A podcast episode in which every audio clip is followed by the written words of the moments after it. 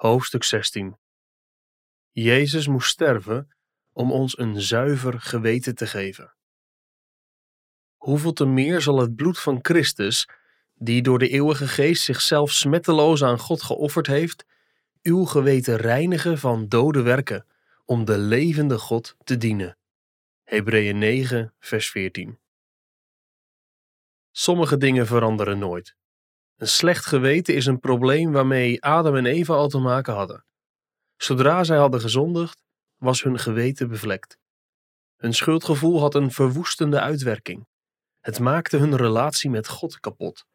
Ze verborgen zich voor Hem. Het maakte ook hun onderlinge relatie kapot. Ze gaven elkaar de schuld. Ze verloren er hun innerlijke vrede door.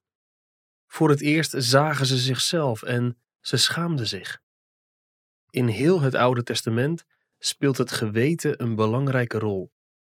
Het offeren van dieren kon het geweten niet zuiveren. In overeenstemming daarmee werden gaven en slachtoffers geofferd, die niet in staat waren om hem die de dienst verrichtte, wat zijn geweten betreft, tot volmaaktheid te brengen. Het betrof hier alleen voedsel en dranken en verscheidene wassingen, vleeselijke verordeningen die opgelegd waren tot op de tijd van de betere orde.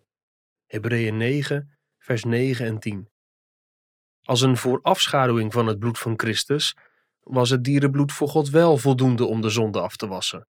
Dat wil zeggen, om de ceremoniële reiniging te bereiken, niet om het geweten te zuiveren.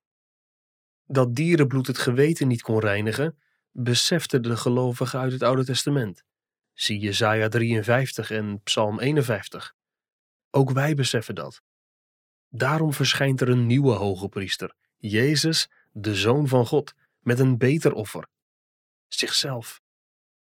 Hoeveel te meer zal het bloed van Christus, die door de eeuwige geest zichzelf smetteloos aan God geofferd heeft, uw geweten reinigen van dode werken, om de levende God te dienen. Hebreeën 9, vers 14. De dierenoffers voorafschaduwden het definitieve offer van Gods Zoon.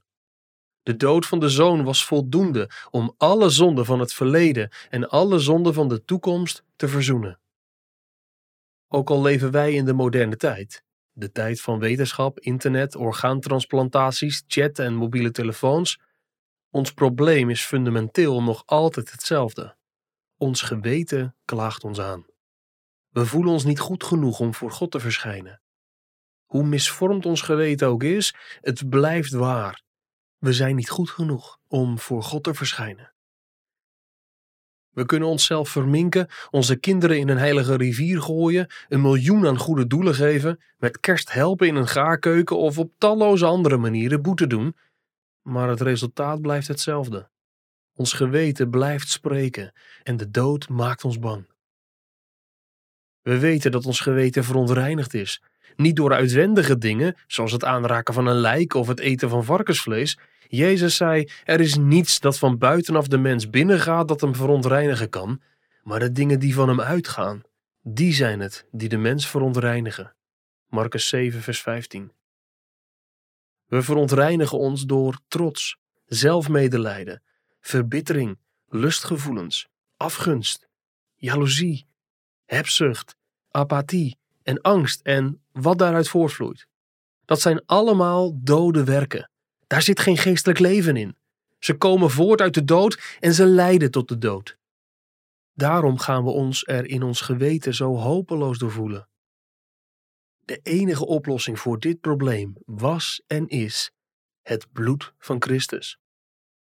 Waar moeten we naartoe als ons geweten ons aanklaagt en veroordeelt? Dan gaan we naar Christus.